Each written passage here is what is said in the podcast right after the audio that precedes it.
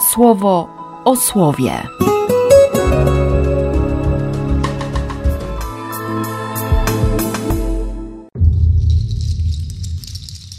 11 października, wtorek. Trwajcie więc w nim i nie pozwalajcie nakładać sobie ponownie jarzmanie woli. A jeśli myślicie, że zostaniecie przez Boga uznani za sprawiedliwych z powodu przestrzegania religijnych rytuałów i ceremonii, znaczy to, że już odłączyliście się od Chrystusa. Wypadliście z łaski. W nim bowiem liczy się tylko ufność złożona w Bogu, która realizuje się w postawie ofiarnej miłości. Albo prawo, albo łaska.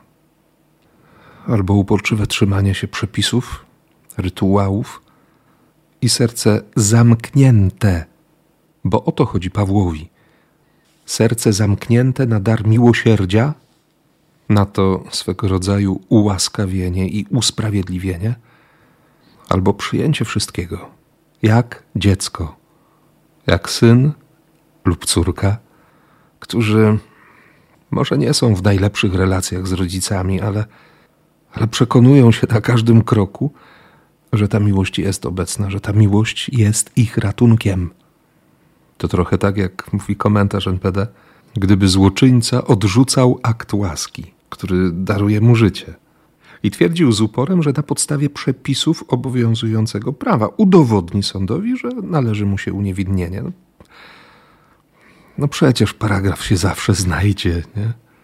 Samo prawo mojżeszowe nie ma mocy zbawczej. Chrystus jest Zbawicielem. Dlatego prawo miało doprowadzić do Chrystusa, a ci, którzy doświadczyli przyjaźni Jezusa, faktycznie traktują dekalog czy, czy prawo jako jako obietnicę, jako szansę, by, by jeszcze bardziej poznać, by pokochać, by trwać. Dlatego o nic innego nie chodzi ani Pawłowi, ani, ani Kościołowi, jak właśnie o to poznać Boga, chwycić tę osobistą relację, zaufać Bogu, czyli zaufać Jego planom, Jego pragnieniom jego sposobowi widzenia rzeczywistości, Jego sposobowi zbawienia i zaufać temu wszystkiemu, co, co On mówi. A jeśli będziesz słuchać, to, to będziesz kochać. Nie? I takie serce nie jest wtedy skłonne do, do chciwości, do jakiejś chorobliwej zachłanności, o której mówił Jezus chwilę przed e, tym wejściem do domu faryzeusza a gospodarz był głęboko poruszony tym, że Jezus nie dokonał rytualnego obmycia rąk przed posiłkiem.